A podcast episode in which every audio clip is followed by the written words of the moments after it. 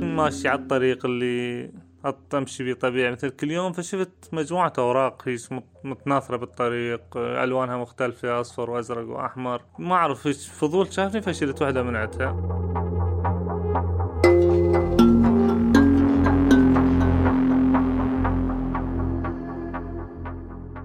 كان بها تهديد إنه لازم نترك بيتنا ونترك هذا وضعنا أو نعطي أمور أخرى مقابلها. فاضطرينا ترك بيتنا بال 2006 شهر السادس بالضبط.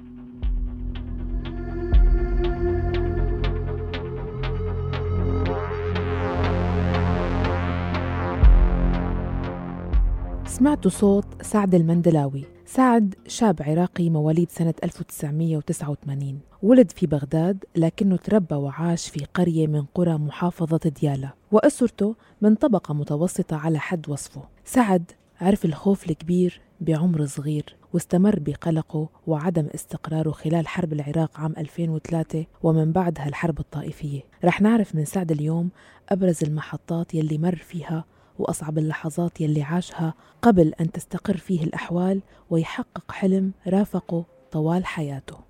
ولادتي كانت بريفية ريفية بحتة. أبوي وأمي يعني فلاحين يشتغلون زرع وأغنام رعية الحيوانات طبعا. ما أذكر شيء بعمر اللي ثلاثة أو أربع سنوات أذكر من ست سنوات اللي هو أول طالب العفو الولد الطفل اللي مثل عمره ست سنوات يدخل مدرسة عندنا هذا نظامنا بالعراق. فأذكر أول يوم دخلت مدرسة بعمر ست سنوات. مدرسة كانت تبعد علينا مسافة ستة كيلو متر طبعا والدي هو اللي كان هو اللي سجلني أخذني المدرسة الأمور الإدارية وسجلت بالمدرسة. كنت خايف مرتعب يعني شفت ناس ما أعرفهم. أول مرة شلون راح أروح شلون أرجع. طريقة صعب. للعلم يعني كنت أنا بوحدي. يعني كان أخواني أكبر مني مكملين مدرسة. كانوا يمتهنون فلاحة فكانوا يشتغلون.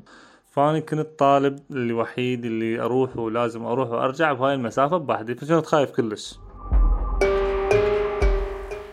أول أسبوع يمكن بالمدرسة تعرفت على صديق. صرت شوي يعني كان كنت أول ست أيام أخاف وخاف من المعلم أخاف من شلون راح أحكي شلون أقول. فتعرفت على ولد شاب اسمه أحمد فهذا أحمد هو كان يساعدني بأمور المدرسة. إيه، صرت أحكي وياه هاي الأمور أتلاطف وياه فكانت الأمور شوي شوي تقبلت الدوام تقبلت المدرسة. فكانت الصعوبة اللي عندي هي اللي أروح وأرجع. فكان هذا الشيء جدا صعب صعب علي إلا ما يعني بالقوة جرعته عندنا هيك نقولها بالعراقي. خلص سعد المرحلة الابتدائية وأكثر شيء ضل عالق بباله وذاكرته هو مشيه لمسافة طويلة يوميا حتى يوصل للمدرسة. وصندوق صغير يبقى معه دايما. كنت احتفظ بيه بذكريات إلي قلم ممحات هاي الأمور كنت جدا أحتفظ بيها شغلات خاصة بي جدا يعني أحتفظ بيه هذا الصندوق. كل مرة أظن بحاجه إلي. آه، كملت ابتدائيه بال 2003 انتقلت للمتوسطة. انتقل سعد للمرحلة الإعدادية أو المتوسطة مثل ما بيسموها بالعراق وبهاي السنة اندلعت الحرب بالعراق وسقط نظام صدام حسين. فكانت مرحلة نصف دراسة ما كملنا بيها دراسة يعني حد يمكن أربع خمس شهور بعدين صار غير النظام وهاي الأمور هاي. فكانت سنة عبور مثل نحن نسميها يعني امتحانات على حفظ يعني بس تكتب اسمك مجرد وخلص تناجح مرحلة لأنه كان وضع مختلف. بهاي المرحلة بدأ عنده الحلم بأنه يصير مشهور لكن في بيئته بشكل عام ومنطقته وعائلته واجه بعض المعوقات بصعوبة.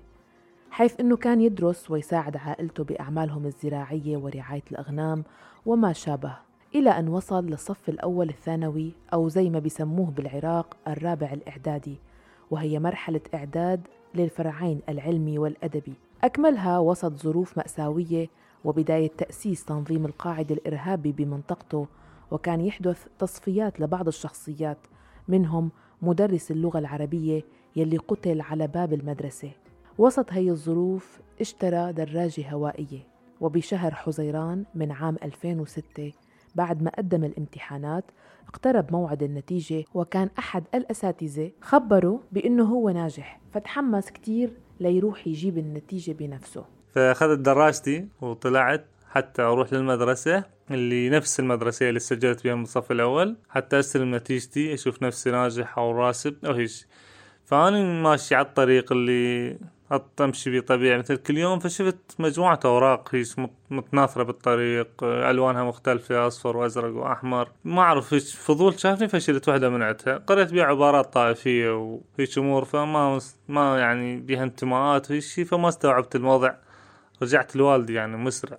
شافها والدي تفاجأ منعتها لأن كان وضع شيء وضع ما مقبول وكان بها تهديد إنه لازم نترك بيتنا ونترك هذا وضعنا أو نعطي أمور أخرى مقابلها. فاضطرينا ترك بيتنا بالألفين وستة شهر السادس بالضبط. انتقلنا المحافظة ثانية اللي هي جينا العاصمة بغداد. كان جو حار طبعا وفتشي يعني وضع جدا مأساوي. لازم تترك بيتك اللي عندك ذكرياتك بيه واصدقائك ومدرستك وكتبك ولازم خلاص إحنا نسميها تطلع بملابسك. تنتقل البيت ثاني انتقلنا لبغداد جبنا الحاجيات اللي ممكن واحد يجيب حاجياته الخاصة اللي نقدر نطلع بيها. جينا بغداد ألفين وستة بشهر السادس حزيران آه، ماكو بيت ماكو مكان نقعد بيه. كانت ناس بحركة ما أعرف وضع يعني وضع تعبان.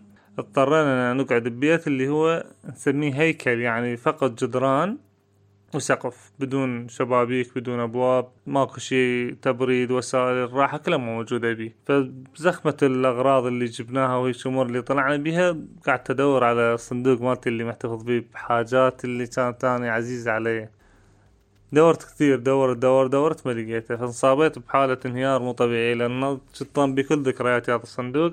ما لقيته بقيت بين ابكي بين ما مصدق بين ليش هيجي ليش أنا صار بي هذا الوضع زين كل اللي بعمري صار بيهم لو بس اني يعني كان لحظات تفكير ما اعرف ما اعرف بيها يعني هيك امور عشوائية يعني واحد ما مستقر نهاية ما مستقر وضعه كلش تعبان۔ بقينا بهذا الوضع تقريبا شهر أو شهر ونص في هذا البيت. ما مستقرين ناس تجيب لنا مساعدات ناس تشفق علينا. وما نقدر نتخذ أي قرار يعني. بين نسكن بين نبقى هنا بين نروح ببيت إيجار أو نشتري. بقينا شهر أو شهر ونص إلا ما انتقلنا منطقة ثانية اللي هي والدي. اشترى معنا شراء قطعة أرض وبنينا عليها بيت. هيك مجرد يعني جدران والسقف مالته من صفيح إحنا نسميه تشينكو. مجرد نسميه ستر واحد بس اللي يقعد بيه يعني شلون يدبر نفسه.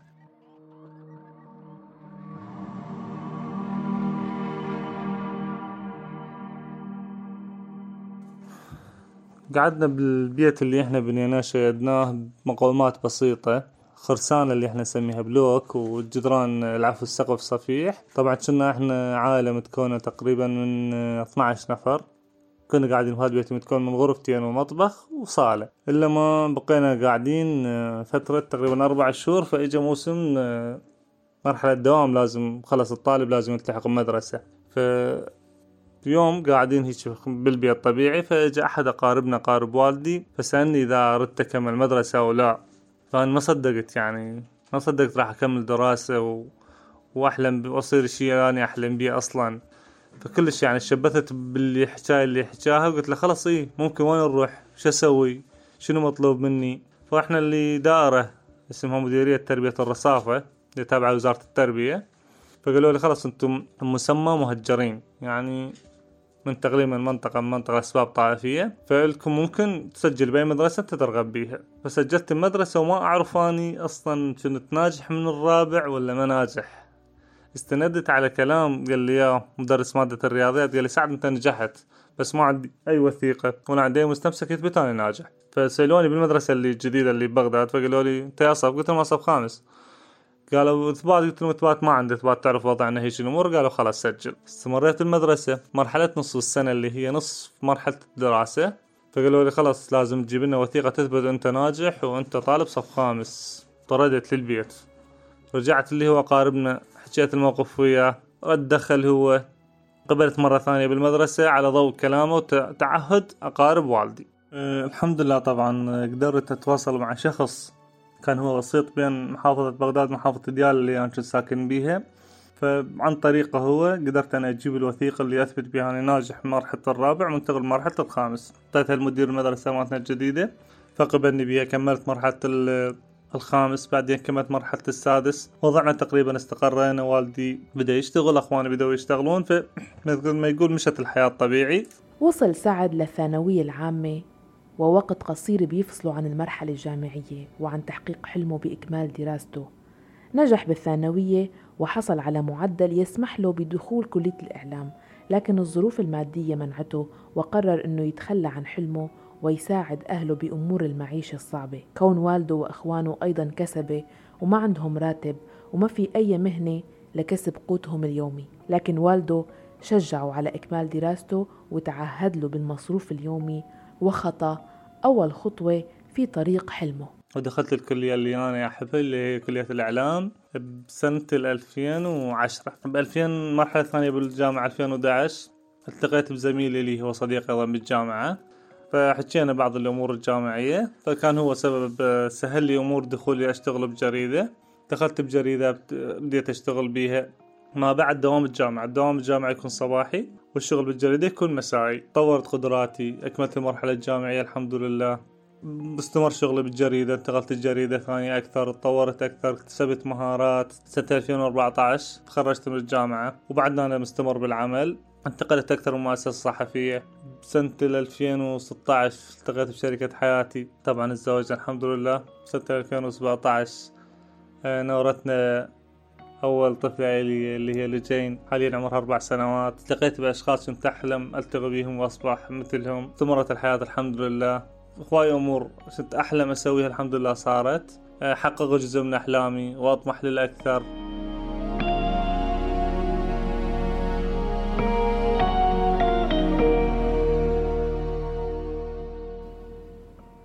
سعد بيشوف إنه الإصرار هو اللي ساعده يتغلب على الظروف. لا تتوقف عند حلم معين. أحلم إيش قد ما تقدر وحقق اللي تقدر عليه.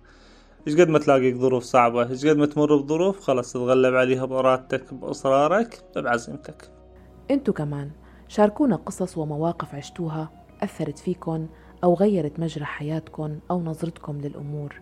ولا تترددوا أبدا شو ما كانت هالقصص والمواقف. راسلوني عبر الواتساب 00971 568 531 592 واسمعونا دائما من خلال موقع أخبار الآن وموقع راديو الآن. اسمعوا أيضا الحلقات السابقة عبر منصات البودكاست الساوند كلاود وتطبيقي ديزر وأنغامي. بالإعداد والتقديم كنت معكم أنا مها فطوم. إلى اللقاء.